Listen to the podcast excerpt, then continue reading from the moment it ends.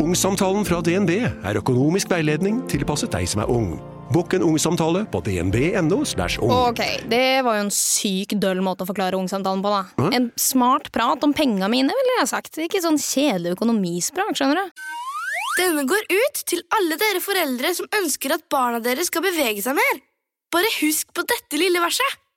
Bort med mobilen, alle mann, så drar vi til Leos lekeland. Lek så mye du vil til 20. juni.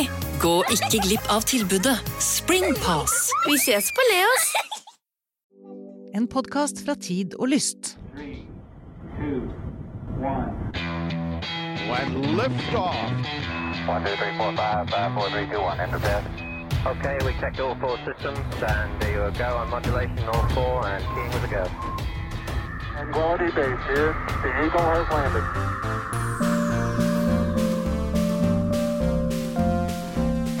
Den eh, siste svette, den bitre siste svetta av 2020 er i ferd med å forlate kroppen. Vi, får, eh, vi har slått fast at det er gledelig jul man sier eh, nå. Takk for det gamle eh, også, Eirik. Det har vi. Vi har også fastslått at pepperkaker med sjokolade, det kan de godt spare seg. Mening, meningsløst Det er et meningsløst produkt. Men vi spiser det allikevel, som, man, eh, som jula jo består av, er å spise de småkakene som står framme, uansett om du liker de eller ikke. Eh, på tampen her nå av året, måtte, dette er jo da den siste eh, sendinga eh, i 2020, Annus horribilis eh, 2020, men Mhm. for romkapsel et fint år, vil jeg si. Ja.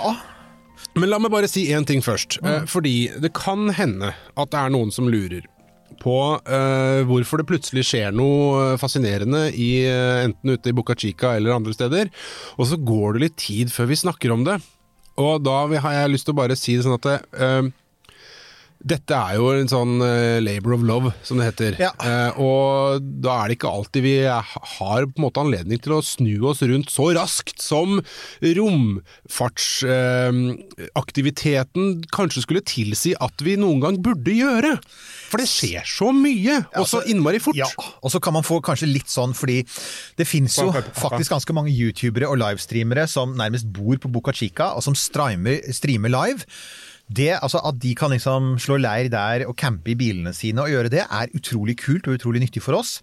Men her i studios i dag sitter det liksom tre familiefedre med jobb og forpliktelser. Og, så vi må på en måte eh, skvise det inn når vi kan. Så ja, det blir en viss forsinkelse, men vi pleier alltid å tipse om disse livestreamerne. Hvis det er noe ekstra spennende som skjer, og hvis det er en oppskyting. Og så er du jo god på Facebooken. Og så er jeg ganske heftig på, på Facebooken, og jeg, nå sa jeg at vi var tre. Da får vi bare ønske deg velkommen, Pål. Hei, Pål Brekke, Norsk Romsenter. Kan jo nesten bare kalle deg Pål. Solguden fra Norsk Romsenter. Solguden fra Norsk Romsenter. Veldig hyggelig å være her i hvert fall. Ja, dere er våre faste, og det er alltid utrolig kult. Kjenner du at eh, jula er på vei, svetter seg ut av kroppen? Eh, Har Ja. du fått i deg nok? Og ble liksom presset til å spise pepperkaker jeg også, med sjokolade. Ja, ja, vi må jo bli kvitt dem, hallo. Vi kan ikke ha noen igjen i 2021, for det er det noe vi skal gjøre i et nytt år her nå, så er det i hvert fall å starte med helt blanke ark for pokker. Ja, og da, men, men altså som du var inne på, det har jo, vi har hatt et uh, heftig år og hatt, opplevd mye positivt, masse nye lyttere. Definitivt. Og ikke minst hatt mye å snakke om, og, og det slo meg egentlig at altså, i et år som har vært preget av så mye dårlige nyheter på alle måter, også mye sånn dårlige altså økonomiske nyheter, masse som er stengt ned og masse som har vært skrudd av. Men Pål, det stemmer da det inntrykket jeg har at, at for rombransjen, det har faktisk ikke vært noe de har, Rombransjen har hatt det ganske bra, og det har skjedd mye positivt, har det ikke det? ja, til tross for at eh, det som bygges i år, kan du si, har hatt en del forsinkelser. For det Ja. som kommer senere, så har det vært veldig mye som har skjedd. Mye oppskytninger. Eh, Men be- bemannet romfart, eh, solsonder som har gått opp. Det har vært et fantastisk år for oss som er interessert i dette. her. Altså jeg, jeg måtte bare se litt på statistikken. Det har vært, altså det har vært, et, det har vært et normalår for oppskytninger. og det er, det er bare så jeg har sagt, folkens. Antall oppskytninger varierer en del, og det toppet seg vel faktisk på 60-tallet på det meste under Apollo. Da var det veldig mye. Og De siste årene så har det ligget sånn på sånn mellom 70 og 100 i året, og i år så var det sånn rundt i underkant av 100 vellykkede oppskytninger. Det var jo noen raketter som falt ned, ingen av de store. Ingen store og alvorlige ulykker, ingen dødsfall, kjempebra. Cirka en tredjedel kinesisk, ca. cirka en tredjedel amerikanske oppskytninger, og så er det resten er fordelt på Russland som nummer tre. New Zealand faktisk som nummer fire, takket være lille Oi. Rocket Labs. De er heftige. Altså Peter Beck, eh, New Zealands Elon Musk, kul fyr. Eh, rett før vi gikk i studio her, så var det en av våre faste tipsere på, på Facebook sa er du klar over at Rocket Labs akkurat nå har en stream på, på gang? Så den måtte jeg jo se mens vi forberedte oss. Så ja. Men altså, vi har eh, vi Pål har jo da som sagt vært med tidligere. Blant annet i år så var han med i en episode vi skulle ønske vi ikke hadde hatt, i minneepisoden om Erik Tandberg. Episode nummer 24. Eh, Det ble en fin episode, fordi at du kjente Erik godt, men vi kan vel si at det var det, var det verste som skjedde med norsk rombransje i 2020, tvilsomt, ikke sant? Ja, det var jo en legende som gikk bort der. En stemme som alle kjente, som kom inn i stuen til folk og lærte folk nesten alt som fantes om romfart og raketter og slike ting. Jeg pleier å si at det vi prøver å gjøre er å, i vår, eh, vår lille romkapsel, er liksom å bygge videre på det. Og vi vet at veldig mange av de som hører på oss, startet med Erik. Så vi, vi er veldig takknemlige for det også. For han, liksom, han ga oss basen vår da vi begynte med dette her. Men altså Dette, da, var, da var den minneveggen gjort, sånn som de pleier å ha for store store prisutdelinger, og når man skal gå gjennom eh, kavalkadene for året som har gått. Så er det godt å minnes det, å minnes at det er, det, er, det, er, noen som har gått bort i løpet av året, og i Norge så er det mm, Erik. Og så er det selvfølgelig også noen, noen store navn der ute, noen Apollo-astronauter annet, som har, har gått bort. Men altså, for å ta dette, da. Dette romåret. Romåret 2020. Romåret 2020. Hvor det teiteste som har skjedd, var, uh, syns jeg, bare Ta det først, en gang det teiteste som har skjedd. Uh, mest sånn Donald Duck-øyeblikket ever var jo uh, spaceship som velta inni uh, Åh, inni hangaren. Serial number nine Ja. velta i hangaren. Ja. Det, det tror jeg kanskje er det En det million memes av folk som la ut og sier Nei, jeg, jeg så hva som skjedde med nummer åtte. Jeg vil ikke ut, jeg vil ikke ut, jeg vil bli her inne. Altså, amerikanerne er jo Hva vil si det da? Amerikanerne er De er liksom verdens De er liksom, de er liksom det beste og verste av menneskeligheten. På det verste når de løper omkring og er litt ekstreme, for å si det pent. Og på det beste når de lager disse fantastiske Altså, de blir så entusiastiske. Og det går litt, helt litt over bord, så ikke bare har du sånne memes med serial number nine som er redd for å skytes opp. Jeg har også sett på, særlig på Twitter, da, så er det sånne memes med serial number åtte som kommer til The Pearly Gate og møter, møter Sankt Peter sammen med tidligere SpaceX-er SpaceX rakettrinn og sånn. Tenker ok, eh, amerikanere, I love you, men av og til så er dere litt weirde, altså. Vi kommer dit uh, snart. Vi kommer dit, men- vi, men vi la- kommer til serien nummer Ja, folkens, la- men det er seint på året, husk. La oss, la oss begynne uh, i februar. Da er vi jo da Kan vi kanskje si da at uh, Pål Brekke sitt år pika ganske tidlig?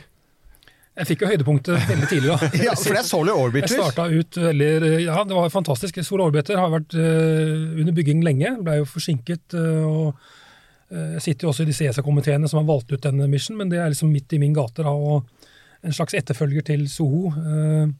Men den ble skutt opp da fra, fra Kennedy Space Center i februar. Og jeg fikk også være med å begynne på oppskytingen. Det er også så rått å være der og få omvisning og gå ut i raketten dagen før. Um, være med på disse brifingene. Og så selvfølgelig den kvelden, da, den var natt faktisk, så, så fikk vi da stå på kontrolltaket av kontrollbygget, som er rett ved siden av den store Assemble-bygningen, som er den gigantiske bygningen. Kanskje verdens største Jo, bygning. i, Flor i Florida der? Ja, Ja. med et flagg som er like stort som en fotballbane. ikke sant? Ja, der, hvor, der hvor Apollo ble, ble satt sammen. da.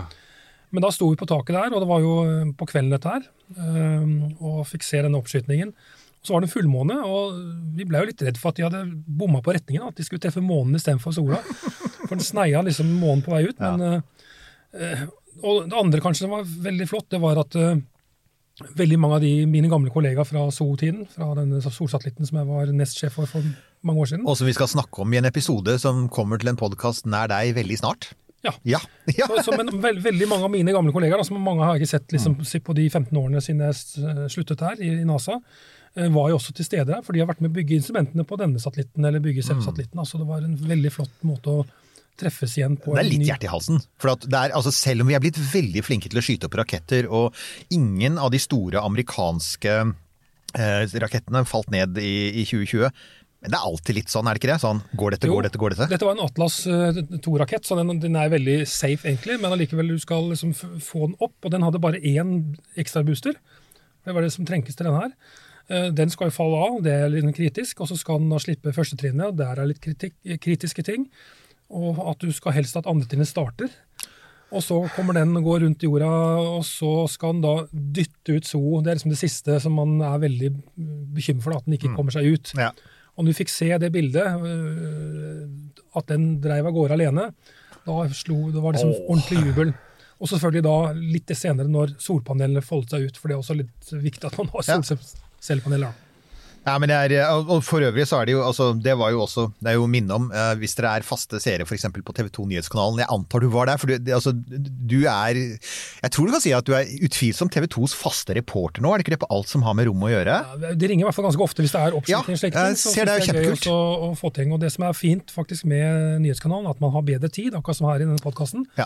Det er ikke bare 1 12 minutt som maks som det er i Dagsrevyen eller nyhetssendingen på TV 2, men man får 7-8-9-10 minutter, Ja, og da kan man forklare ting og være med. og men på, på, på noen av de andre oppskytingene så hadde man jo også live sending i, i over en time eller to. Ja, vi har faktisk begynt litt, det er også en ting vi har sett i år, at de har faktisk begynt å sende litt mer live, eh, både NRK og TV 2, så kudos til dere for det, fordi det er, eh, det er noe, men det, jeg tror jeg tipper at dere gjør det fordi at livesendinger er blitt gigantisk på YouTube. Altså, der Mer er romfart i monitor. Ja, ja, det, er, der er, det skal vi bare takke SpaceX, for de lager nydelige livesendinger og har liksom drevet den utviklingen. Ja. Men vi må jo også nevne at eh, på Sol Orbiter så var jo også Norge veldig delaktig både i involvert i et av instrumentene, men ikke minst er det jo Kongsberg-gruppen som har lagd disse motorene som dreier solcellepanelene i riktig retning. og Ja. Det er veldig kritisk for denne, for den skal så nærme sola.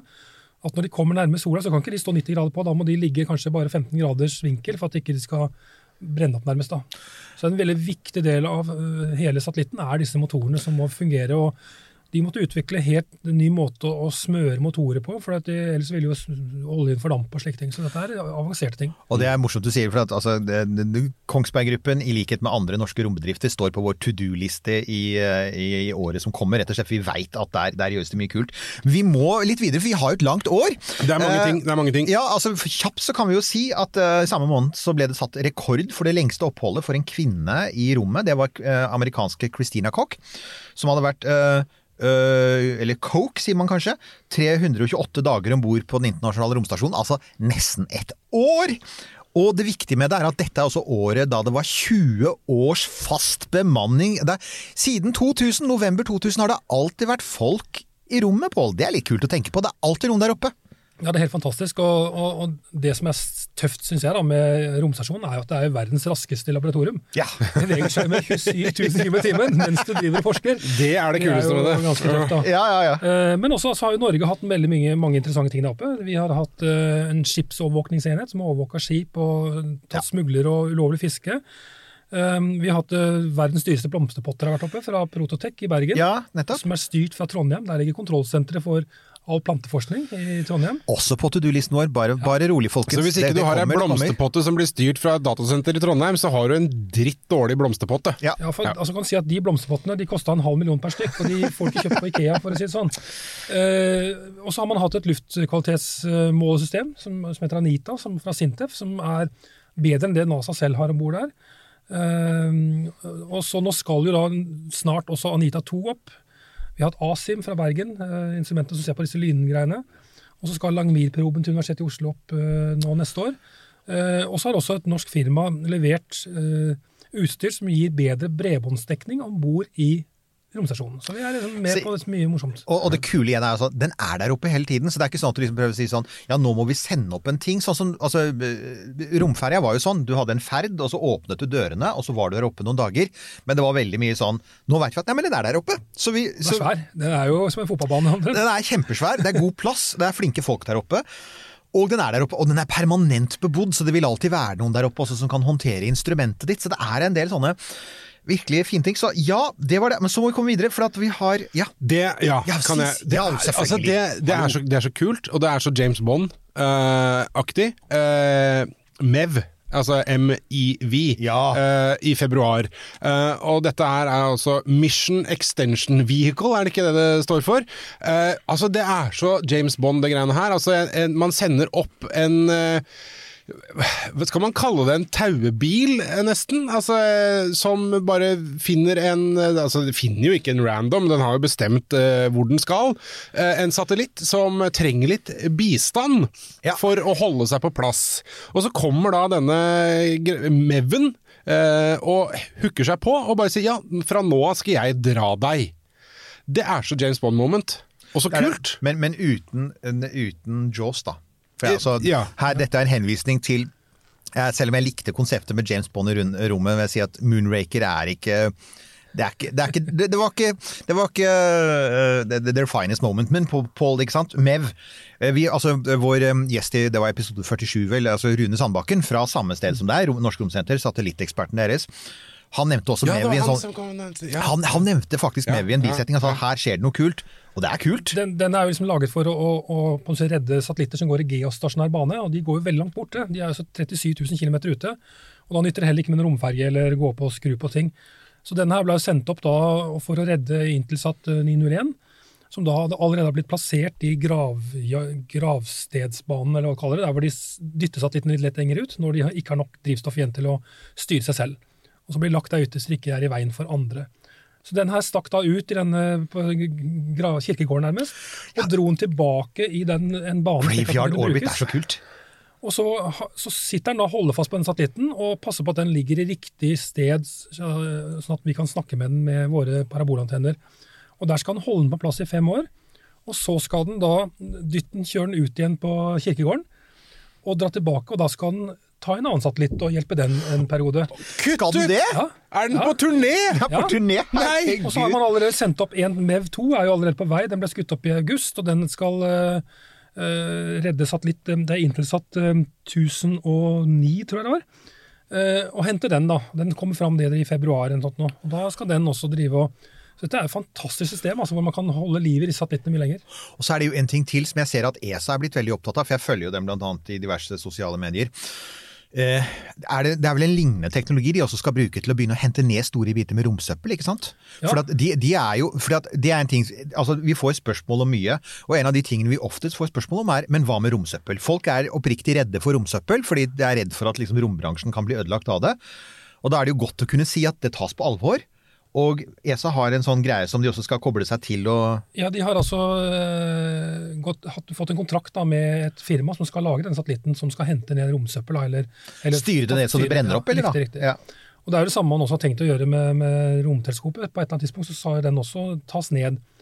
Og Sist gang man reparerte den, så satte man på en liten sånn klamp på enden, så at en satellitt Ah. kan komme opp og gjøre akkurat som MEV, ta fatt i den og bremse den ned og få den til å falle ned der man ønsker, slik at den ikke detter i huet på folk. i det hjørnet av Stillehavet. For det finnes, akkurat som det finnes, finnes graveyard orbits, kirkegårdsbaner, så finnes det en romskipskirkegård som ligger Og dette har vi også hatt i en episode som jeg nå har glemt nummeret på, men det var en som spurte oss om det. Hva skjer med ting som faller ned fra verdensrommet? Så sier vi at så sant man har kontroll, så er det den, den, mest, øde, den mest øde havstrekningen på kloden mellom Påskeøya og Australia.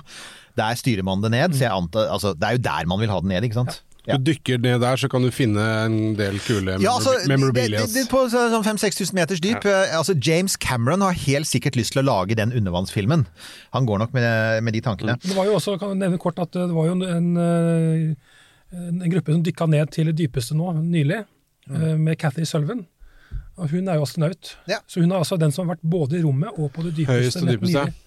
Pass på å ha litt Norge, avstand. mange ganger besøkt oss da. Også så kult! Avstand i tid på det. Ja, og så må jeg si, ok, Mens vi først er i sånn, eh, litt sånn eh, matsvette romjulsmodus, så må jeg si at altså, vår, vår venn Kanskje vi eh, får henne i podkasten her? Ja, Altså, takk. du- Ta altså, kontakt, du som kjenner ja, Kan ikke du gjøre det? Det hadde vært kult! Å, herregud. Ja, Vi har jo fortsatt det gode med å få en astronaut, en, en som Vi har til gode å få en astronaut, så dette, men dette skal vi snakke med deg om på Ja. etterpå.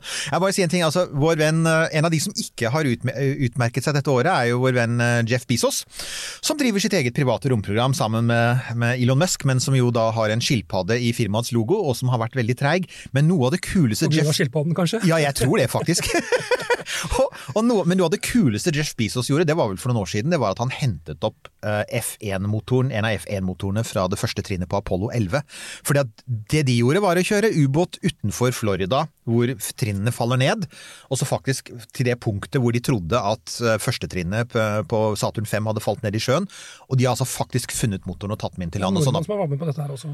Selvfølgelig, det er alltid, alltid Altså, nordmenn. er, vi klarer å snike oss inn Altså, overalt, men Pål, du eh, er et oppkomme av innmari gode koblinger til, til norsk. Det er alltid en nordmann det. Alltid en nordmann. Altså, Du er sikker på at ikke det var en nordmann med på Apollo 11? Ikke, eh, ikke ennå. Nei, ikke ennå. Ikke ennå. Vi finner litt ut av det. Ja. Men Men, du, vi får eh, effektivitetens skyld her, vi Ja. må videre. Uh, ja. så kommer jo rosinen i uh, pølsa. ja, jeg syns jo det. Vi er i mai. Ja. Ja, og det er jo Da må vi jo si at 31. mai er jo et, et, en sånn merkedag i romhistorien, ja. må vi jo nesten eh, Move over 17. en gang. Det er jo det. Fordi da eh, klarte altså han elbilselgeren å, å gjøre det. Ja. Da skjedde det. Uh, Crew Dragon Demo skutt opp, det funka. Yes, go, go, go. Uh, og han parkerte da uh, egentlig alle andre. Ja, Og ikke minst- og vant. Og vant, ja, ja. Det, Var jo, altså, det var jo litt fascinerende, for at det var et privat romkappløp. Det var det jo mellom Boeing og SpaceX. Begge hadde trøbbel på vei mot oppskyting. SpaceX eh, hadde en eksplosjon året før som de måtte fikse. Og så fikk Boeing noe så uh, egentlig skremmende som et softwareproblem under sin testflight. Et softwareproblem som kunne vært like fatalt hvis det hadde vært mennesker om bord som, som uh, Boeing 737 Max, som jo faktisk var en sammenligning folk brukte. Eh, Så du kan si det nå at det siste jeg har sett, er at Boeings første bemannede første testflight kommer ut på 2040 eller noe sånt. Nei, ja, de snakker om at de skal ha en eh, ubemannet testflight som de, NASA har pålagt dem å gjøre, hvor de skal dokke med romstasjonen. For det gjorde jo også SpaceX før de sendte opp folk. Det skal skje på nyåret, og så er det snakk om kanskje folk opp med Boeing Starliner neste sommer. Så ja, eh, total vind for det. Og altså, Pål, første amerikanere opp i rommet fra amerikansk jord siden, med et amerikansk skip siden romferja, ikke sant? Så det var, det var viktig. Det var veldig viktig, og jeg syns også det var en fantastisk eh, opplevelse å få med seg det. ikke sant? Og eh, Det er liksom de store altså Første mann på månen, og så har du kanskje romferja som var den andre store begivenheten i romhistorien. Og så kommer dette her nå med at man nå igjen kan skyte opp fra amerikansk jord. Én ting om at liksom de klarte dette her, men du både draktene Og de er så kule. hvite Teslaer Jeg altså syns ikke de det er noe kule i det hele tatt. Det der business class-romskipet, det er jo helt fantastisk. Ja, du, ja, hva var det du sa? Det går du meme med, med, med businessklasse og sånn. Fortell det. Jo, også det bildet som er lagt ut på nettet nå, hvor du ser disse tre stakkars astronautene som skal opp med russiske Soyuz, tettpakka som en liten sånn boble. Sovjetisk sektesalteknologi, ja, folkens. Masse bagasje, ikke sant? liggende over ørene sine, og så ser man da bilde av disse eh, fire stykker som sitter med god avstand i business class-setene sine. Ja, ja, ja. Jo, jo, jo da, det er som å fly Hercules uh, i Forsvaret, sitte med knærne til kompisen uh, mot dine knær på disse her uh, sånn Uanstendig tett kontakt. nettingsetene. Uh, for all del, men jeg syns ikke de draktene er noe kule. De, er for, de ser for lite funksjonelle ut. De, ser for, de er for slike og for pent designa. De er jo veldig pene og rene og sånn, men det, er, det skulle vært noe mer slanger og noen knapper og litt sånn Darth Vader Det er, eh, det, er, over det er mange, altså det som er det interessante med de draktene, da, det er jo at Elon Musk, som jo har en hånd på rattet i alt som skjer i, i firmaene sine, som jo gjør at han må jo være sånn, the ultimate energizer bunny. Man må jo ha et energinivå som er helt ekstra. Jeg pleier å si liksom Det Elon Musk har i kaffetrakteren sin om morgenen, som er lovlig for øvrig, vi vet jo at han av og til gjør andre ting òg, men det, det han har i kaffetrakteren sine som er lovlig, det vil jeg gjerne ha. Men uansett, da. eh, den drakten ble jo til på altså, han, han snudde jo hele paradigmet på huet, som han gjør med så mye. Han liksom sånn, ja, eh, NASAs romdrakter ser ut som de gjør, fordi at man startet med ingeniører som sa liksom, hvordan løser vi problemet, og så, så, så gjorde man det om til en drakt. Han startet med vi lager en fet drakt, hvordan konverterer vi den til en, til en romdrakt? Så han begynte med designeren og endte med ingeniørene. Og slik endte det opp med disse her guttene med noe som ser ut som gummistøvler og ja, en litt sånn 2001-aktig hjelm. Jeg syns de er kule. Ja, jeg syns det er for lite det, det, Men det må være noe all, mer. alle som har sett selfiene på, på vår podkast, vet at jeg ikke eier klessans. Jeg er, sånn, jeg er Norges minst velkledde mann, så, så jeg tenker at jeg sikkert ikke er riktig til å gjøre det. Men, men uansett, det var historisk, og det var kult. Uh, vi kjørte også en, vi kjørte en livestream uh, hvor jeg tror vi greide å bomme på oppskytingsøyeblikket, men det er sånt som skjer. Ja, det er shit happens, da, vet du. Det, Det er sånt som skjer, men uansett. Godt ikke dere kontrollerte Ja, ja, det tror jeg vi skal være glad for. Men så da, så kommer vi til juni, og der kommer det en ganske viktig norsk romnyhet. Altså Ryktene hadde jo gått i mai, men i juni, 4. juni tror jeg det var, så ble det bekreftet fra Stortingets næringskomité formelt at Andøya Space som har skiftet litt navn, men nå heter de vel Andøya Space, er det ikke det det, Pål? Jo. Um, de fikk da 365 millioner kroner til utvikling av en base for oppskyting av småsatellitter til bane. Fordi vi har jo hatt sending om rom... eh, vi har jo hatt eh, Odd Roger Enoksen i, i, i sendinga vår, episode 40. Så vi, der var vi litt innom det at Andøya har en lang historikk med raketter. kan vi da bare si at Ja. grunnen til at vi hadde Odd Roger Enoksen her, var ikke for å snakke gammel politikk, men fordi da han er sjef for Andøya Space. Ja, sånn. men folk som hører på eh, den podkasten vil merke at vi har med en gammel politiker å gjøre. Jo, jo, for all del, Roger er en utrolig effektiv, og for en gangs skyld kan ikke noen skrive inn og si Eirik snakket så mye, for der snakker Eirik utrolig lite. Det er imponerende. og- og- Det er imponerende, ja. Og, og Roger uh, utsnakka meg. Men uansett da, Pål. Altså, dette her er jo altså uh, denne nye altså, oppskytingsplattformen, det er viktig for Norge, ikke sant? Absolutt. Eh, Vi har jo allerede liksom verdens største satellittstasjon på Svalbard og Kongsberg Satellite Service som tar ned data fra både NASA-satellitter og andre ting. Eh, Nå har vi også muligheten til å bli det første og eneste stedet i Europa som også skyter opp satellitter fra, fra europeisk eh, jord, kan du si. Eh, Men så er det sterk konkurranse. Altså Portugal, Skottland og Sverige kniver om også, blir de første. Så Derfor så var det viktig at eh, regjeringen kom på banen, for det har jo tatt litt tid dette her å få, få disse pengene. Eh, Man har holdt på ganske lenge nå for å få dette til. Og det er et enormt marked. Eh, Flere og flere land, inkludert Norge, bygger jo sine egne småsatellitter som gjør akkurat de få tingene man ønsker å gjøre, istedenfor å vente fem år på å bygge en gigantisk satellitt som skal gjøre veldig mange ting. Da. Ja, eller vente på plass, eh, som på en eller annen oppskyting. Ja, og det som er bakdelen da når du skal eh, haike med en stor satellitt, da, Sånn da, det vente- Ja, da Ja. må du vente på at den skal skytes opp. Mm. Blir det forsinkelse på den store satellitten, som det ofte blir, så må du også vente. Og så får du kanskje ikke den banen du helst ville hatt, da. For de kjører jo der hvor den store skal opp. Men her kan man da skreddersy oppskytninger av, av småsatellitter. Og flere flere land har begynt å eh, ikke alle bygger sine egne, men de kjøper egentlig ferdige satellitter. Da, så bare putter de innmaten inni der, sånn som Norge også gjør. Det er charter. Det er satellittstarter. Det er et stort marked, så det, og, og Norge har den fordelen at, eller Andøya har den fordelen at de kan skyte rett over hav. Det kan jo ikke Sverige. De må jo skyte over Norge og må jo egentlig da ha en, en overflyvningsavtale med Norge. Så de sliter jo litt der. Eh, Og vi ligger langt mot nord, sånn at det er, er lettere å komme inn i polarbanen som de fleste satellitter skal inn i da, når de skal se ned på jorda. som Ja. de skal.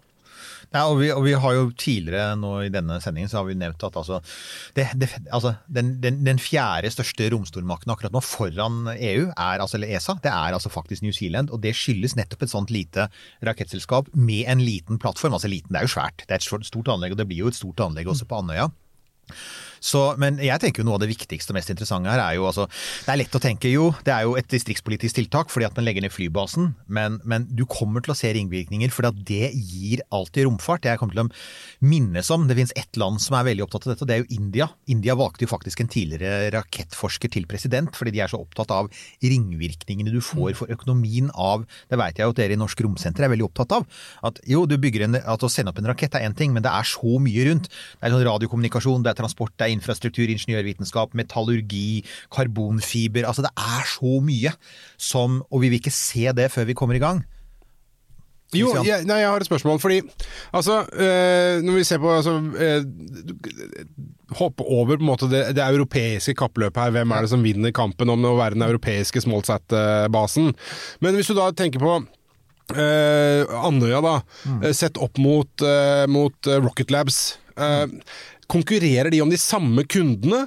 Eller er det litt sånn at du, du får noe helt annet uh, når du skyter opp øh, New Zealand, som åpenbart ligger geografisk på et helt annet sted? Eller kan det være litt sånn hipp som happ om du sender opp satellitten satellitten din her eller der? Det er nok plass til flere på markedet, for at uh, det vil bli så veldig mange satellitter som skytes opp. og eh, KSAT, Kongsberg Satellite Service, har jo også gått inn i dette markedet nå, fordi de ser at det kommer til å vokse så vanvittig mye. At uh, de må ha flere antenner. eh, og De har jo til og med Starlink-antennene på Svalbard nå.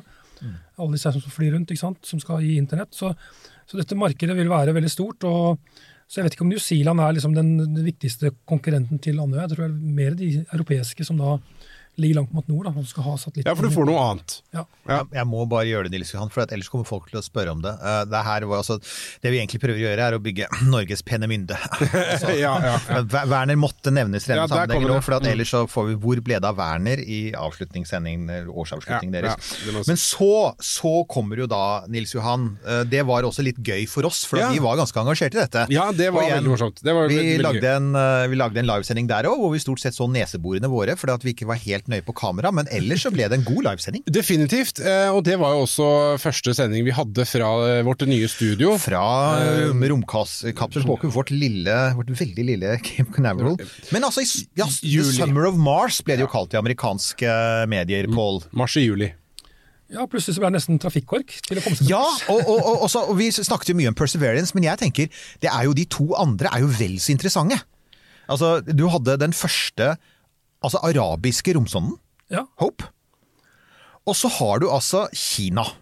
Har du lært deg hvordan du uttaler eh, det der nå? eller Er det Tianwen? Tian- Du vet hva? Åh, jeg, har, skjønner, jeg, jeg, gikk på nettet for å lære meg Tianhe. eh, for det, det er det man egentlig skal si når det gjelder den vi kommer til litt seinere. Men Tianwen har jeg ikke greid. Men, men ja, det er jo altså Vi veit jo at altså, hvis Perseverance lander, vi veit det blir awesome. For altså, dette kan NASA. Det er en fantastisk rover. Norsk georadar. Hør Ja. på Svein Erik Hamran i episode 39. Det er en av våre beste podkaster Ja, fra året. Det Det er så er så bra. Og det er, det er en eh, virkelig fjær i hatten at Norge og FFI og Hamran da klarte å få denne roveren om bord. For det var jo eh, tror over 70 forslag til instrumenter på den roveren. Og han ble altså valgt ut som en av eh, seks, syv, åtte, hva det var for noe. Og det vi lot han gjøre i den podkasten var å forklare hvordan det skjedde. For det er en av de tingene som altså vi, er, vi er veldig glad i å snakke om store raketter og sånn, men vi snakker ofte om sluttresultatet. Men det er en av de tingene som vi har lyst til å komme litt mer tilbake til, er nettopp hvordan ender du opp? Altså hvilken enorm innsats som ligger bak. Og ikke minst de vanvittige kravspekkene Ja, som NASA har. rundt der er Med liksom nærmest sånn væpnede vakter og spesielt sourcet metall. Det er liksom ikke måte på hvor mye kult. Så ja. Og så fikk han ganske mye god støtte finansielt av Norsk Romsenter, for å nevne det. Ja, det tror jeg faktisk han nevnte. Altså, jeg, tror, jeg tror han var påpasselig med det, men det er fint at det blir sagt her òg. Men uansett så er det jo Så kan vi si at, at, uh, at vi har altså nå tre romfartøyer på vei mot Mars, og, og vi veit at i hvert fall altså, To av dem skal gå inn i bane. Tianwen og Hope skal gå inn i bane og faktisk henge litt rundt i bane. Tian Tianwen skal henge litt rundt i bane og finne et sted, tror jeg. Mens Perseverance, det er, God, det er som vi gleder oss til Åh, 18. februar. 18. februar, Seven Minutes of Terror. Det blir spennende. For dette er, eh, å lande på Mars er ikke enkelt. Og, og nesten halvparten av de som har prøvd å lande der, har mislykket, hvis du går Ja. gjennom historien. Så Det heldigvis de fleste i fortiden. Da. Vi må si det at, at NASA de siste åra har hatt en ganske god record. det har de. Så de er blitt bedre. Ja da. Så det det blir veldig spennende, og jeg håper også de har nærmest live også under nedgangen, sånn som de har hatt på noen av de andre sånne, hvor de har sett filmer hvor de driver og henger og dingler i, i fallskjerm og sånt. da. Og så skal det jo også et lite helikopter opp dit, da, som skal styres av en nordmann. Det skal det også. Ja, det er eh, ja, da er det en helt egen historie på det. Vi har en egen Ja. historie på det, men det kan vi ta en annen gang. Men vi skal helt klart forsøke å få tak i ham. Ja. Og det vi i hvert fall har, er vi har jo eh, det er av de episodene som kommer i det neste året. eh, Vi skal ha en oppfølgingsepisode med, med Svein Erik, som skal komme og fortelle om når dataene begynner å komme tilbake fra hvis den lander. Vi, vi skal ikke jinxe noe, den lander. Yes. eh, når, når Perseverance har landet og ting er liksom sånn poppet av og deksler er tatt av og den begynner å rulle av gårde i sitt bedagelige tempo, sine sånn 10 cm i timen eller hva det er, så, så skal vi høre åssen går det på Kjeller. Hva får dere av data? Hva hender? Og ikke minst, hvordan, hvordan, hvordan oppleves, altså hvordan jobber dere? For det er kult. Ja, det gleder jeg meg til. Så ja, og så eh, tar vi en liten skip framover i tid. Eh, oktober var morsom, for da hadde, da hadde NASA en eh, asteroidelanding. Ben eh, Gøyalt navn. Ja, det, Bennu. Høres det ut er som en mange, sånn alle asteroider eh, ja, altså, tsjekkoslovakisk bestemor. Ja. Bennu. nei, det er også imponerende det at man kan dra ut i en asteroide og, og lande og suge opp litt stoff og dra tilbake igjen.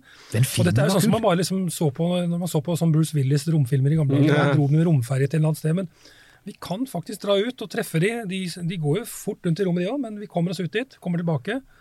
Uh, og det, det er veldig imponerende, syns jeg, det de har fått til der. Altså, det er jo, som vi var inne på, vi hadde en, en episode 46. Der snakker du og jeg om asteroider, og, og ikke minst hvor viktig det er blitt. Og Bennu i likhet med, og for da, vi må jo nevne andre, altså når dette tas opp, så har jo faktisk JAKSA, JAXA, som fremdeles har det kuleste romorganisasjonen, la oss bare si det, JAXA slår NASA og ESA som navn. Japans NASA har da eh, vendt tilbake til jorden med Hayabusa 2. Eh, og, og landet ute i den australske outbacken. Eh, veldig kule bilder. Blant annet så var det folk eh, hadde kommentarer på det, men folk sa men de går jo når de kommer med denne lille kapselen, som er ca. 40 cm i diameter, de går jo med hjelm og visir. Men det er altså fordi at du har små sprengladninger for å, utløse fallskjermen, så vidt jeg kunne skjønne. Og de sa det de sa. Vi må være litt forsiktige for, før vi er sånn at du risikerte å plutselig få masse sånn asteroidemateriale i fjeset. Nei da. Men, men, men altså igjen, superimponerende av Jaksa, og de har gjort det, dette andre gang. De har allerede vært på en asteroide. Um, Hayabusa 1, dette var Hayabusa 2 med Ryugu. Uh, og igjen, De henter asteroidematerialet tilbake til, til jorda, Pål, og det er viktig. ikke sant? At vi får materiale fra disse små Ja, altså Asteroidene er jo fremdeles liksom urstoff i sol solsystemet. Da. De har ikke blitt påvirket av noe vær og vind. Og, og, Det kan jo gi oss kunnskap om hvordan solsystemet en gang blitt til. Da. Mm. Det er en av grunnene til man gjør dette her. ikke sant? Og det, nei, begge to har vært så veldig imponerende å, å følge med på. Nå. Og så har du den tilleggsgreia, og det var jo det vi oppdaget når vi begynte å researche dette her. Det planlegges jo mange asteroideferder fremover, og alle de asteroidene vi har besøkt er sånne near earth-asteroider som jo potensielt kan treffe oss. Eh, og, og, NASA og ESA skal ha et fokus i forhold til det, og i årene framover faktisk sende opp sonder som helt spesifikt skal begynne å se på muligheter for å stoppe det som ikke involverer Bruce Willis og et nesten kondemnert atomstridshode fra den kalde krigen. ja, nei, altså Skumle, farlige asteroider er ikke noe å spøke med. For at eh, en eller annen gang så vil vi bli truffet igjen av en asteroide. så Liker at du sier en eller annen gang. Ja, det var det vi trengte å høre i 2020. ja, det var det. Og på, tampen, og på, tampen, av året så får vi også beskjed om at uh, nå er det på vei en uh, sånn Earthkiller. Uh, ja. ja, men fra nå blir det bare stemning. gøy. For så kommer vi til business class, Nils Johan. Ja, ikke sant. Da, nå er det liksom satt i drift, og det er all good. Um, Crew Dragon opp til ISS i november med fire astronauter om bord. Ja nå nærmest da i eh, hva skal man kalle det, ordinær rutetrafikk? Ja, for at den, altså Demo One var vel sertifiseringen, var det ikke det, Pål? De skulle liksom bevise at dette kan vi gjøre. Ja, Derfor så var det også to uh, test, mer testpiloter enn astronauter som var med. Ja. Som tok uh, en ekstra stor risk. Mens nå er det ja. ordentlig fire vaskeekte astronauter, og en kvinne også, og en mm. japaner. Og nå er det ganske, rett og slett ganske fullt oppe i romstasjonen. Nå er det vel sju stykker der oppe? Ja, de mangler til og med en seng. De gjør det? Ja, det er bare seks senger her. skjønner du. Men, de, men, treng, men, men, Pål, trenger man senger? Unnskyld, nå, det, det, det, det, er ikke vektløshet? What are you saying? Jo, De har en liten kabin, da. Oh, ja. som, liten, som en liten telefonkiosk da, som de har hver. Som altså, de kan, kan lukke døren, og, ja. hvor de kan ha sine private ting. da, kan ja. du si. Mens uh, det har aldri vært syv stykker der før. sånn at uh, etter hva jeg skjønte, så skulle han ene kapteinen på Dragon han skulle ha sovet i Dragon-kapselen inntil de fikk sendt opp en ny seng. De sikkert bestilte på Kea, vet ikke jeg, men så, hva, heter, hva, heter den da? Sånn Space med to tødler over. Det er det man ikke gjør. Sånn, der, eh, sånn uh, heavy metal omlaut på Space, så har vi det. Ja, det, veldig, veldig det som er viktig her, er vel at nå har amerikanerne et fungerende system uh, som de kan ja. skyte opp sine egne folk med, uten å være avhengig av ekstremt dyre plasser hos russeren, for å si det sånn. Og så er det en ting til jeg tenker, og det er nok en gang vi var inne på det. altså Det handler jo ikke bare om på en måte sånn romkappløp med, mot en privat aktør med Boeing. Det handler jo også litt om altså at nå kan vi si en gang for alle, og det er, det er tydelig kommet fra øverste nivå i NASA, øverste, også øverste nivå i Kongressen og i Det hvite hus, alle er helt enige. Nå er SpaceX formelt sett helt klart en full partner. De er like, altså for at Boeing har vært en solid partner for NASA fra starten av, siden 1958. Eh, så de har alltid vært der. De, med, de, har liksom vært med på alle de store, viktige amerikanske prosjektene. Eh, men nå er også SpaceX i den klassen. fordi mm. lenge så var det jo sånn ja ja, men kan dere sende opp noe da? Men nå er det ikke lenger noe tvil. De er en etablert aerospace-aktør, og de har massevis av forsvarskontrakter. Og, så ja. De har, slutt, de, har liksom, de har, sluttet litt å være den Det er som, som Tesla også ble på et tidspunkt. De sluttet å være den lille sultne underdogen og ble plutselig verdens mest verdifulle bilprodusent, hva man nå må mene om det. Men de går fra å være små til plutselig å bli mm. dominerende. Så det er litt interessant. Ja, og det, ja, vi, vi, kan ikke dvele mer Nei. ved det nå, men dominerende er det er jo fascinerende at de bare fått det til. Ja, de har bare gjort 20, det på en litt annen måte. Ja da, det har 2020 har vært en maktdemonstrasjon for en ja. viss elbilprodusent. Definitivt. Sånn. Har vi sagt navnet Elon Musk? Nei, vi må si hele navnet. Det, må, det, er Sammen med Werner von Braun okay. så er det liksom helt det er, det er nødvendig, for ellers så blir det protester. Det blir sånn skilt utenfor eh, headquarters her. Nå, ta oss og Briller med kinesisk uttalen din. Uh, jeg måtte altså på nettet Erik. for å lære meg dette. Det er Chang'e Eh, som er eh, fem. Ja. Det, det, fem har også et ord på kinesisk, og det klarte jeg ikke å lære. Og igjen, hvis noen snakker kinesisk der ute, så må jeg bare beklage på vegne Beklage overfor 1,2 milliarder mennesker. Men altså, det er interessant, fordi at på dette tidspunktet så har jo altså da Når vi tar opp dette, så har Kina landet i ytre Mongolia med Eller er det indre? Jeg tror kanskje det er indre. Det er der de gjør mye av greiene sine. Med igjen en sånn liten kapsel, litt à la den som du fikk fra fra asteroidene. En sånn liten sånn 40 cm greie, men den kommer fra månen med et par kilo månestein. Uh, og, og, den ferden Paul, var jo litt interessant, for at jeg har sett tegninger som ble publisert i kinesiske aviser, som er, viser uh, Chang'e 5 og um, uh, Apollo månelandingsfartøyet med kapselen ja. ved siden av hverandre. Og, og, sant å si, altså den, den har halvparten av massen, 8 tonn mot 15, tror jeg. Den er ganske lik på størrelsen, og ferdsprofilen, måten den gjør det, med liksom en kommandoseksjon ut i månen, og så lande, ta av, dokke med kommandoseksjonen og fly tilbake. For meg høres dette ut som en sånn eh, tørrtrening til bemannet ferd, for å være helt ærlig. Ja, det kan man godt se. De har sikkert eh, rappa noen eh, blåtegninger fra NASA når de lagde den. Det her, må gjerne. Men det var imponerende, og det, er jo ikke så lenge siden de landet på baksiden av månen også. Og det er også ganske utrolig at de klarte det, for at da måtte de ha en relésatellitt litt lenger ut i rommet for månen for å kunne sende signaler og kommandoer til denne som nå ikke synlig for oss. da. Så kineserne har virkelig vist muskler, syns jeg, og de planta til og med et kinesisk flagg der oppe. Og, det, ja, så det, og nå henta da prøver. Det er jo Vi har ikke hatt noen prøver fra månen siden Apollo. så... Ja, det er altså de sammenligner jo med sånn sovjetiske, det var vel Luna 24 eller noe sånt i 76, som sendte tilbake eh, noen hundre gram, 300 gram. Men som alle påpeker, de kunne ha gjort det, og det er jo det interessante. De kunne ha gjort det samme som sovjeterne, for de bare landa en rakett, fylte på litt eh, månesand med en scoop, og så fløy de direkte, direct ascent, rett tilbake til jorda. Kineserne tar to kilo, går opp, dokker, møysommelig gjør mange manøvrer i banen rundt månen og reiser tilbake. Og det er da folk sier at hvis det bare var prøvene det gjaldt, så hadde de gjort det enkleste. Da kunne de gjort som sovjeterne på 70-tallet. Det hadde vært lett for dem å gjøre. De gjorde det innmari komplisert, og man har stusset over det og tenker det høres helt klart ut som de har ambisjoner, eh, mer ambisjoner på månen enn de De er jo ikke så veldig Altså, dette er jo motsatsen til USA og SpaceX. De sier veldig lite. Nei, Det kan godt være kineserne kommer først i månen. Det er absolutt en stor mulighet. Med mennesker. Ja, det, det, jeg tenker jo det, eh, all den tid. eh, Med det lille jeg vet, med tanke på det de har gjort eh, med Chang'e 5. De eh, slå så er det sånn, da, det er jo helt åpenbart Ja, hva de, har- holder på med. de har altså, det er maktdemonstrasjon. Ja da, og Det har vi snakka om uh, før. Ja, Vi hadde jo en egen sending om dette, vår episode 48, så snakker vi litt grann om, om kinesisk romfart og litt om bakgrunnen for at de gjør det de gjør, og særlig dette med at det er helt, altså de, har jo, de sier jo ikke så veldig mye, men de har vært ute og sagt de skal til månen med mennesker en eller annen gang på 2030-tallet, og de skal til Mars. Det har de sagt. Og saken er at etter at de liksom på slutten av 90-tallet bestemte seg for å sende Altså, de hadde et program på slutten av 90-tallet som de har fulgt til punkt og prikke. I 20, eh, det, til året som kommer skal de bl.a. sende opp den første ordentlige romstasjonskomponenten, for de får jo ikke lov å være om bord i den amerikanske fordi de er litt glad i å kopiere ting.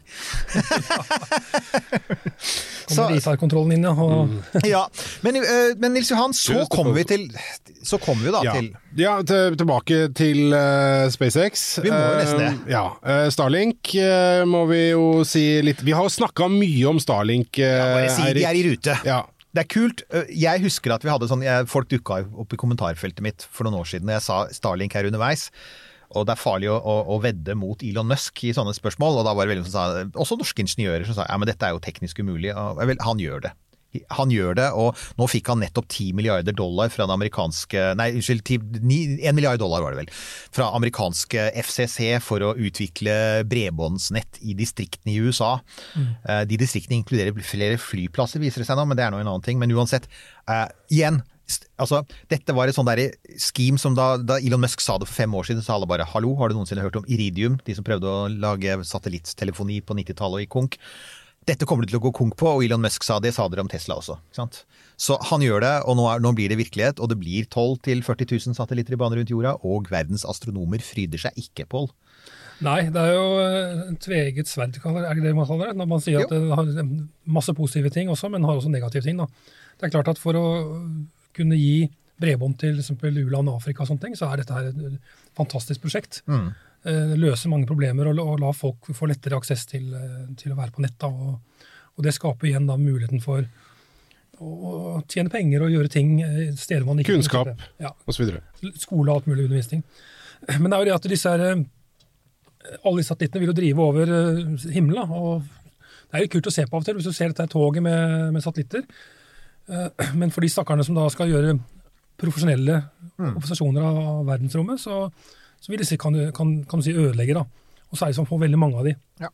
Men det er klart man kan også gjøre en del ting for å minske eh, effektene. Blant annet så har jo Elon Musk sagt at vi kan prøve å male de litt svartere og gjøre en del ting. De har gjort ting, altså. De, og Det var noe skum eh, det var snakk om, Ja, dekke det med og, osv. og han, han, altså, først så sa han dette betyr ikke noe, og så fikk han masse kritikk. Og det, det skal han ha, da. Han gikk litt i seg sjøl, og så begynte de å sende opp prototyper. Jeg så nettopp en, noen som hadde publisert et paper på dette og sa de siste observasjonene viser at, eh, at de er helt klart blitt mørkere. Altså du, Helt kvitt den blir du ikke, for du kan ikke gjøre den så svart at den absorberer masse varme og koker. Men du kan gjøre mye for at ikke du har disse veldig blanke flatene som reflekterer. Så, og, Men kan jeg bare altså, Men allikevel, altså, all den tid det er et objekt der oppe, så vil det jo også øh, på før eller siden komme i veien for et uh, teleskop uh, som står på bakken. Det vil jo det. Ja, det er riktig. Eh, Men så vet man også når de kommer. så I utgangspunktet så kan man, når man observerer, da, så, så vet man når det kommer en satellitt. eh, Det vet man allerede. ikke sant? Mm. Det verste er egentlig fly, da, for de har man ikke alltid tidspunkt de kan være forsinka. Men satellittene kommer når de kommer. Og da kan man i prinsippet da eh, en, en lang eksponering. Så kan man stoppe eksponeringen i de få sekundene noe passerer foran, og så starte igjen. For de trekker jo stjerneeffekten, så det, det er én måte å gjøre det på. Og så er visst disse effektene også mye større da for obsesjonen i horisonten enn det er rett opp og slike ting. Ah, ok. så, så en del ting kan man gjøre for å unngå, selv om det blir mange slike objekter på himmelen. Men det er ikke noe man ønsker fra astronomenes side. absolutt Ikke. Nei. Altså, altså det finnes jo et annet argument her, og jeg har jo ført det i felten noen ganger, som sier at Altså, Dette Starling-prosjektet er jo ment å betale for koloniseringen av Mars. Det har han jo sagt rett ut, at når dette begynner å generere mye penger, så vil han ha et privat romprogram med et større budsjett enn NASAs årsbudsjett. Helt klart, NASA har et årsbudsjett på 22 milliarder. Et globalt internettselskap vil uten tvil kunne tjene mer penger enn det. Eh, Og det vil han eh, så mye som mulig. Han har jo enda ikke gått på børs. Det er, dette er stort sett Musk-eid, så han vil beholde så mye som mulig av pengene og bruke dem til å kolonisere Mars. Og i praksis må han da industrialisere verdensrommet. Hvis du skal sende 1000 Starships til Mars, så må du ha tusenvis av mennesker som jobber i baner, svære romstasjoner, etterfylling, eh, reparasjon, nødhjelp, sykehus i baner rundt jorda. Og da vil jeg si at det vi ser nå blir jo da for ingenting å regne. Men, sier han, så, og de som forsvarer han sier da at fordelen med det er at det vil bli så billig å sende ting opp i rommet at det vil ikke lenger være sånn at nødvendigvis at et romteleskop koster sånn 20 milliarder dollar og tar 15 år å bygge, og går det i stykker så har vi mistet det for alltid. Tvert imot, da vil det faktisk være relativt Vi kan masseprodusere ting og få ting i bane, og da får vi dem utafor atmosfæren og utafor alle satellittene. Vi kan sende dem høyt opp. Så det er, liksom, det er både og her, men det jeg tenker er at, at det finnes ingen lover mot å gjøre det, og veldig mange ønsker det. og så profesjonelle astronomer som er på bakken der ute, det er fælt å si det, men jeg tror ikke dette stopper. Jeg tror dette er en realitet vi må leve med fra nå. Altså Megakonstellasjoner kommer nok. Så kan man, men, men for folk som står på bakken, så er det faktisk ganske pent å se på. Det det. Men du, altså, og så må vi jo si at avslutningen på Vi må jo Ja, vi, vi må ta Ta den. Nils Skal vi Johan. Dette det er det mange som har snakket om. Ja, Lars Henrik. eh, skal vi ta mail- Jeg syns vi tar Lars Henrik. Han snakker på vegne av mange, som folk Ja. pleide å skrive i innlegg i Aftenposten i gamle dager. Jeg og mange med meg, Jeg som, mange med meg. eh, som regel signaliserer at du er helt aleine. Men hei, jeg oppdaget podkasten deres i vår og har blitt en ukentlig lytter og stor fan. utropstegn. Tusen takk for det, Lars Henrik. Utrolig moro å høre på deres lidenskapelighet. Jeg regner med at dere skal ha en egen episode om Starship eh, Serial Number 8 Test Flight. Gleder meg i så fall veldig til denne. Håper den blir to timer lang. Har også et ønske at dere forklarer alle manøvrene i testen og hvorfor de gjøres, bellyflop, den hvorfor den faller vertikalt. Eh, For oss som er interessert, men ikke kan nok om romskip til å skjønne helt hva som skjedde i testflighten.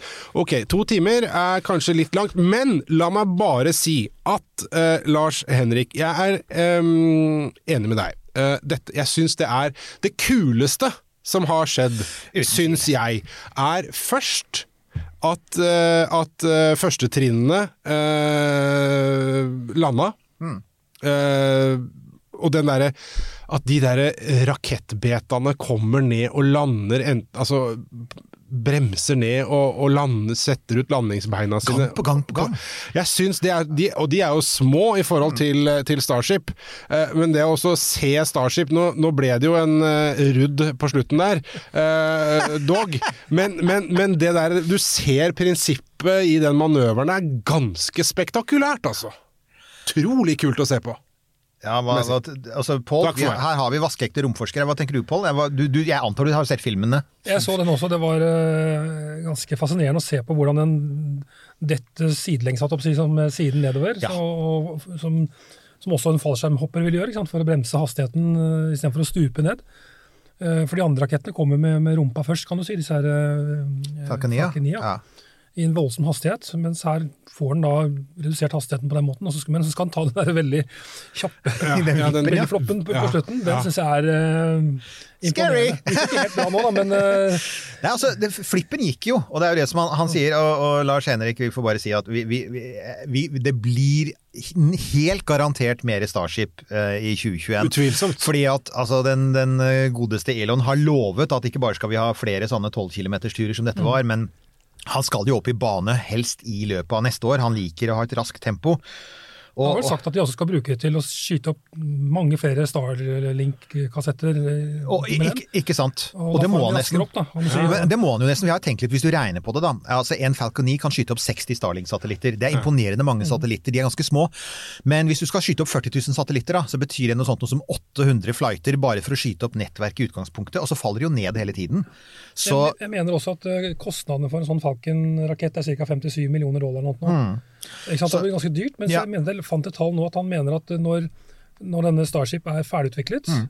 så vil hver kost, hver flight med ca. nesten en million dollar i eh, drivstoff og en Mm. million dollar til operasjon, eller Ja. fra, da snakker de om to millioner dollar i forhold Ja. til 57 millioner dollar. Og det er, det er inn- inn- innmari interessant, for at det han snakker om er full gjenbrukbarhet. Og, at den, og det er en grunn til folk sier ja, men den, den, den eksploderte jo på oppskytingsplattformen. Jo, men det er faktisk poenget, fordi Starship skal i motsetning til romferja, som også var et gjenbrukbart romfartøy, det var det første. Den ble aldri Eh, billig. Den ble aldri billig, ikke sant? og den, den var egentlig ikke gjenbrukbar så mye som gjenoppbyggbar. Du måtte ofte demontere den, og du måtte lime på fliser. Her er tanken at den skal lande på, den skal lande på en oppskytingsplattform. Den skal, planen er faktisk å lande den på selve stativet, liksom, eh, i, på sikt, men i hvert fall rett ved siden av. Så er derfor den endte opp det samme stedet som den tok, fra, tok av fra, for det, var liksom, det er det den skal gjøre i fremtiden. Eh, og, og, og Lars Henrik, altså vi kan si, vi skal ikke, vi ikke gå gjennom alle manøvrene, vi kan si at det de beviste denne ferden var jo at liksom alle de kritiske delene av denne her helt unike måten å fly på, for det er det. Ingen har fløyet et romskip på denne måten med bellyfloppen og dette her. Så ja, de demonstrerte for det første at disse Raptor-motorene, og det er altså, igjen, det er det er fantastisk teknologi. Supereffektive. eh, full flow staged eh, cycle heter de, og det det betyr, på enkelt norsk betyr det svært effektive motorer som holder relativt lav temperatur og derfor kan gjenbrukes lett. Det er mindre slitasje på dem, men det betyr også at de er superkompliserte med mange deler. Eh, Og dette er faktisk noe som SpaceX har bygd helt på egen hånd. Ingen ba dem om å gjøre det.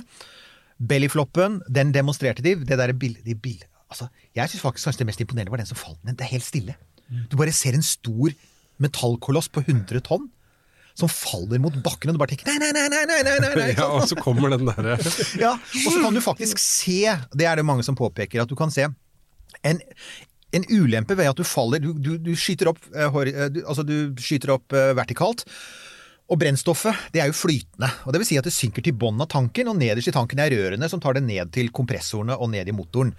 Men når du legger deg over på siden, så flyter jo det brennstoffet ut på siden. Hvilket, vil si at det brennstoffet i hovedtankene det har ikke noe lett forbindelse ned til motoren lenger, for det ligger på en måte på siden i tankveggene. Derfor har Starship 2 tanksett, altså det som heter header tanks, eller topptanken, sier de på norsk. Det er små tanker med ekstra brennstoff som skal brukes bare til landingen. Og det var den tanken som sviktet under landing. Så grunnen til at ikke de klarte det på første forsøk, det var at den topptanken hadde for lavt trykk. Men den er eksperimentell, så det vet de. Så det han sier er at det fikser de neste gang. Og grunnen til at flammen blir grønn på slutten, sier de, det var at den leverte, den leverte ikke nok brennstoff, det var nesten bare rent oksygen som gikk ut på slutten. Og oksygen er jo, det liker å brenne, og det finner noe å brenne. Og det det brant var faktisk kobber på innsiden av motoren, og når du brenner, det husker jeg jeg lærte på kjemitimen på skolen, at hvis du brenner kobber blir det grønt. Så det vakre grønne lyset på slutten er rett og slett en kob altså det er kobberet i en Raptor-motor som motoren eter seg selv opp innenfra.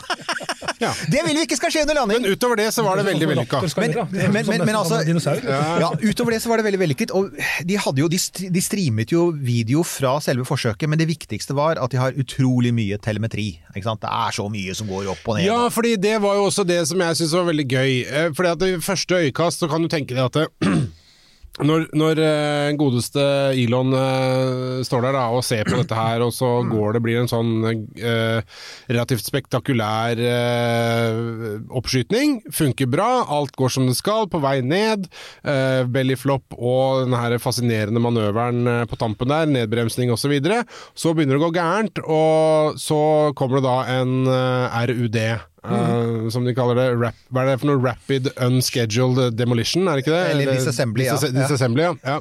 uh, og, som i seg sjøl er et strålende navn. Um, og så kommer da, og så sprenger eh, hele greia, og så allikevel så jubler Elon Musk og sier ja! Men vet, dette gikk jo helt strålende, vi fikk jo alle de dataene vi skulle ha. Men så kunne du da mistenke f.eks. Dagbladet for å lage en overskrift om at 'Å, katastrofe i Texas! Elon Musk ruinert!' Og så får du et bilde av Elon Musk som står og jubler og sånn. Ja, ja, ja. Hva er det for en slags Hva det han ønsker seg?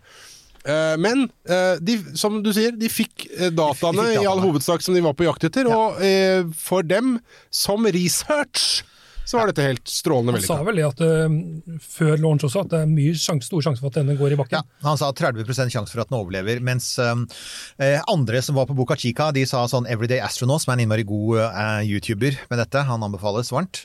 Eh, han sa jeg tror det er eh, 10 sjanse for at den klarer seg. jeg, jeg, tenkte, jeg tenkte det samme, men, men ja. Utrolig imponerende, og det det egentlig er, det lover godt for neste år. Altså, Vi går litt mot slutten her, men jeg må jo si da altså, Vi har jo hyllet litt uh, det fantastiske som har skjedd i rombransjen. Det har vært veldig positivt. Jeg har også lyst til å komme med en liten hyllest til øh, dere lytterne våre. Ikke bare fordi at dere hører på, fordi at dere kjøper litt merch og vippser litt og sånn til Romkapsel. og er innom, takk for det. Tusen takk og også sosiale medier, Facebook, romkapsel.no, Instagram, Twitter. Alt sammen heter Romkapsel. Men jeg synes, altså, dere har vært så gode på tilbakemeldinger. Det er liksom en, en, en av de morsomste delene av jobben min. er faktisk Hver eneste dag så er det enten kommentarer, det er e-post, det er Facebook Messages. Du får ting på Insta, jeg får ting på Twitter. Um, og, og det er gode spørsmål, det er kritikk, det er eh, kommentarer, det er rettelser og gjestetips. Tips til temaer. Um, for eksempel, veldig godt eksempel er eh, fra I episode 38 så snakker vi om en fyr som heter Erik, en av våre lyttere. Han er glad i motorsykkel. Og han hadde stått der og mekka på sykkelen sin og funnet ut at ja, men hallo, har de noensinne vurderte NASA noensinne å sende motorsykler til månen? Og da svarte jeg først ja, det høres tvilsomt ut, men så researcha jeg det.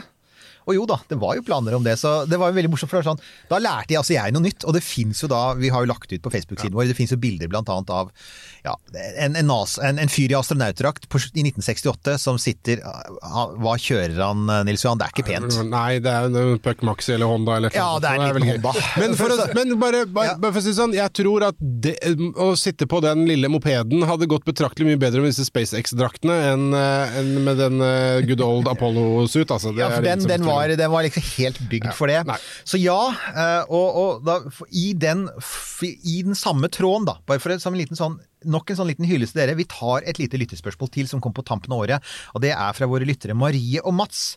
Eh, og jeg ta, syns vi skal ta med dette også, for vi har, vi har rette mann i studio til egentlig å svare på direkten. Ja. Jeg lurer på om jeg har gjort en liten feil her, men det kan vi komme tilbake til. Nils Johan, ja, ja, det, du, take it. Du gjør jo aldri feil. Jeg det- gjør aldri men, feil. eh, Take it. Innimellom skal du få lov til det. Hei, hei. Eh, Både kjæresten min og jeg er store fans av podden deres og jobber oss gjennom den i stor romfart. Ah, bra.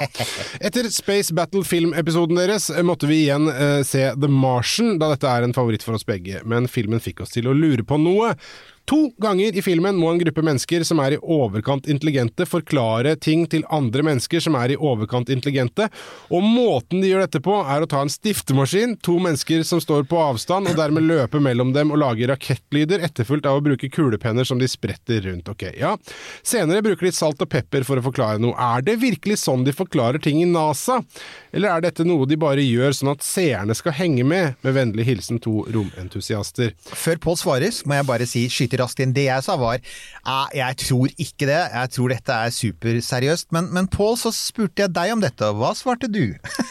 Jo, jeg svarte vel det at øh, jo, de gjør nok en del av dette her i filmen for at publikum lettere skal skjønne hva det som, mekanismen for å få folk til Mars og, og tilbake. Men jeg har jo da en erfaring selv fra NASA, og det var jo når vi Oh skulle, yeah! når vi skulle redde Soho, når Soho forsvant eh, og ble borte i fire måneder. Og man prøvde alle mulige måter å få den tilbake. Da satt det masse ingeniører fra NESA som kom over, sammen med NASA og flight operasjonsfolkene, Og det er en veldig variert gruppe. Noen er eksperter på flight dynamics, andre er eksperter på elektronikken om bord. Og da brukte vi altså en modell av Soho, vi brukte kulepenner, vi brukte andre ting for å vise bevegelser, og, og eh, liksom til og med lagde en liten en, skål som en antenne for å vise hvordan man skulle bruke ja, Arasibo og sånne ting. Da. Så jeg tror ikke du gjør dette her, eh, selv når du sitter i en gruppe hvor det er veldig mange mennesker som ikke skjønner alt i dette her systemet. De er alle intelligente, men på hver sin måte, og dermed er det lettere å forklare ting med enkle ja, Enkle visualiseringer. Så. Maria- Så har vært om å gjøre hvis du skulle Forklar noe om sola med en pepperkakebål. Så, ja, nemlig. Det er, ja, nemlig. Så Marie og Mats, dere har da hatt samme erfaring som Erik. Jeg svarer kjapt på en e-post og svarer feil, men i sendingen kommer det rette svaret, for da har vi noen peil på, peil på lufta. For øvrig bare helt på slutt. Jeg bare må det er veldig kult å høre. Men altså, i boka og filmen så er det jo, så er det jo Han heter Rich Parnell, han som er sånn ja, Celeste-mekaniker. Vi hadde jo faktisk en Vi, vi har jo en stor i Norge, eh, professor Kåre Aksnes. Mm. som de nesten burde Altså, det han holdt på med, var jo kjempespennende. Han har jo til og med fått en asteroide oppkalt etter seg, eh, som beregner baner. For det er jo det det handler om, baneberegning for å komme seg tilbake fra Mars. Eh, og da Jeg husker en setning fra den filmen som jeg stusset veldig på, var 'Rich Parnell is a steely-eyed missile man', sies det i løpet av filmen. Og jeg tenkte ja ja, det var vel noe forfatteren fant på, så oppdaget jeg her om dagen, og det var det jo ikke. Det er jo faktisk et NASA-uttrykk. Steely-eyed missile man, som egentlig er ganske kult, da. Det er ikke veldig kjønnsnøytralt, men eh, det er kult. Og så oppdaget jeg plutselig at det har jo en historikk. Og som en sånn liten godbit helt på slutten, vi pleier ofte å nevne Apollo her, vi kommer aldri unna Apollo. Den første, en av de første Steel-Eyed Missile Men i eh, NASAs historie, det er jo John Aaron, som under Apollo 12-ferden ytrer de berømte ordene 36 minutter etter oppskyting av Apollo 12, den første ferden etter at de hadde landet første gang, med Al Bean eh, som kaptein, så slår lynet ned, og systemet slås ut. Og det er total panikk. Og så kommer systemet på igjen, men det som kommer ut av data, telemetri, er bare garble, det er bare kaos. Og, og NASA vet at de kan jo ikke leve med det, de må jo ha riktige data. Og så er det da John Aaron sier eh, Flight try SCE to AUX. Altså flipp bryteren som det står SCE til AUX Auxiliary. Eh, det er blitt en, altså, og Dere kan google det, det finnes egne sider dedikert den setningen. Uh, han hadde vært på et kurs i NASA-regi året før. og da hadde han, I løpet av det kurset så hadde han lært at hvis du, hvis du fikk litt sånn rare data, så kunne du flippe den switchen, og så ville du få bedre data. Så han husket det. Og han var den eneste i Mission Control som husket det. Og han var på jobb akkurat da det skjedde. Så det er, så, så det, det er mannen som reddet en fem milliarders månefeid, fordi de hadde måttet ta en abort hvis ikke de hadde fått eh, dataene sine. Fordi han hadde vært på et kurs. Og fordi han hadde vært på kurs, Den andre som hadde vært på et kurs, var Al Bean, som faktisk Dette er ikke en viktig bryter, men han visste hvor den var, så han bare flipper den. Ferden var reddet. Så kommer da clincheren her. Snakk om Steely-Eyed Missile Man. Uh, John Aaron spiller en viktig rolle i ferden etter Apollo 13. Dere vet den med filmen. Uh, alle, vi ofte, nevner ofte den scenen hvor de driver og samler alle tingene på et bord, men det er også en scene på slutten. Eh, hvor, har, eh, hvor de prøver å skaffe nok strøm til Apollo 13 på vei ned, for de veit at de egentlig har for lite strøm. Og de veit at rekkefølgen de skrur på bryterne i når de skal komme inn i jordas atmosfære er avgjørende. For hvis de, liksom, hvis de starter for eksempel, hvis de starter hele datasystemet med en gang, da, da sluker strømmen, og da, da flyr den strømløst gjennom atmosfæren, hvilket er dødelig. John Aaron var mannen som lagde den brytersekvensen, for han styrte energikontrollen på Apollo 13 etter eksplosjonen. Så bare si det sånn. To ferder! John Aaron, Steely-Eyed Missile Man. Jeg ville bare si det. Jeg syns det var så kult. Ja. Skal vi eh, si at det er oppsummeringen av for året, si- Eirik? Ja, vi får ta en liten oppsummering av året og si det var et godt år for rombransjen, og 2021, Pål, ligger vel an til å bli, jeg holdt på å si, enda vel så interessant, gjør det ikke det? Jo, det er jo, nå skal vi jo lande på Mars. Ja, Eh, 18. det er februar. Fantastisk, eh, med norske georadaren. Og jeg ser også fram til, og hvis vi får lov til å reise, så skal jeg også opp og være med og se på oppskytingen av James Webb. Slutt, da! Åh! Men Det er det store, ikke sant? å få opp et nytt romteleskop som er enda bedre enn det vi har. Det Ja, er- å, ja, ja, ja. James Webb, vi hadde jo en liten sending om det også. Det er utrolig kult. Men det er, det er seint på året, er det ikke det? Jo, i oktober er det vel, som er planlagt. Eh, Vet Nå du- kan det bli flere utsettelser, for at man har jo Det har jo slitt voldsomt med Det er jo blitt så dyrt Eh, ja. og sånt, men, Det eh, har jo gått på noen men der skal man jo folde svære speil og sånt nå, det er liksom redd for at noe går gærent der, for der kan man ikke dra ut og reparere så enkelt. da. Det er altså så sinnssykt høy terskel på det der eh, prosjektet der det finnes en film av den speilutfoldingen som bare, du bare tenker oi, oi, oi, oi, og du veit at du kommer Akkurat som dere hadde i sin tid reparerte Soho. ikke sant? Sånn, å nei, nei, nei, nei, nei, nei, vær så snill, la det gå, for hvis ikke, så Snakk om å ha steely-eyed missilemans eh, når du trykker på den derre da, da, starter vi å brette ut greiene her. Ja, Så skal Kina bygge romstasjon. Vi veit at skal, flere ferder tilbake til månen. Måne-Artemis, NASAs måneprogram, det er jo i full rulle. Der skal det skje ting. Ja, De tok jo akkurat nå nylig og valgte ut en ny gruppe astronauter. Ja. Blant annet kvinner også, som skal, eller hun ja. som skal førstemann til månen, eller første kvinne til månen, Ja. hvis, uh, når det skjer. Så dette er mye som skjer. Og så blir det kanskje også en europeisk uh, utvelgelse av nye astronauter, og der er det mulig for nordmenn å søke ut på nyåret. Og så blir det garantert mer moro på Boca Chica. Starship skal opp. Det kommer, å, det kommer til å bli mer rudder, men det kan også hende at vi i løpet av året får se den første baneferden, orbitale ferden, av en helt ny kategori med romskip, som, som Paul sa, på sikt skal presse oppskytingsprisen ned i to millioner dollar Du per tenker på Blue Origin? Jeg tenker på Blue Origin, ja. Men de sier jo at de, de, de, det, snakkes jo om at de kanskje vil, for første gang vil se den raketten deres, da, New Glenn, som, som de bygger. De har jo, altså På Cape Canaveral har de en kjempehall, og de bygger noe der. Det er bare så hemmelighetsfullt. Ja, det var nettopp det. De har en kjempehangar, men hva skjer inni der? Så Der sitter de og drikker kaffe om noen dager så skal vi vel antagelig ikke skyte opp raketter, av de grunnene som dere vet. Men det finnes jo en god erstatning, og det er eh, Dere kan se på de mange kule, fete livestreamene som går hele tiden nå. Det er SpaceX, det er ULA, United Launch Alliance, som ikke vi har snakket nok om. Det er eh, Til og med russerne har begynt å livestreame litt. Der må man lete litt mer, men til og med russerne. Det er selvfølgelig også våre venner i Rocket Labs eh, fra New Zealand. Og så må dere selvfølgelig, hvis dere har lyst på litt mer sånn rakettfun, må dere kanskje tenke på å vurdere å fortsette å høre på oss i det nye året. Hva tenker du, Nils Johan? Det syns jeg, synes jeg er en god oppfordring. Beskjeden Eh, oppfordring, til og med. Veldig beskjeden. Skremmende beskjeden til meg å være. Og tenk på vei inn i eh, 2021 What would Werner do?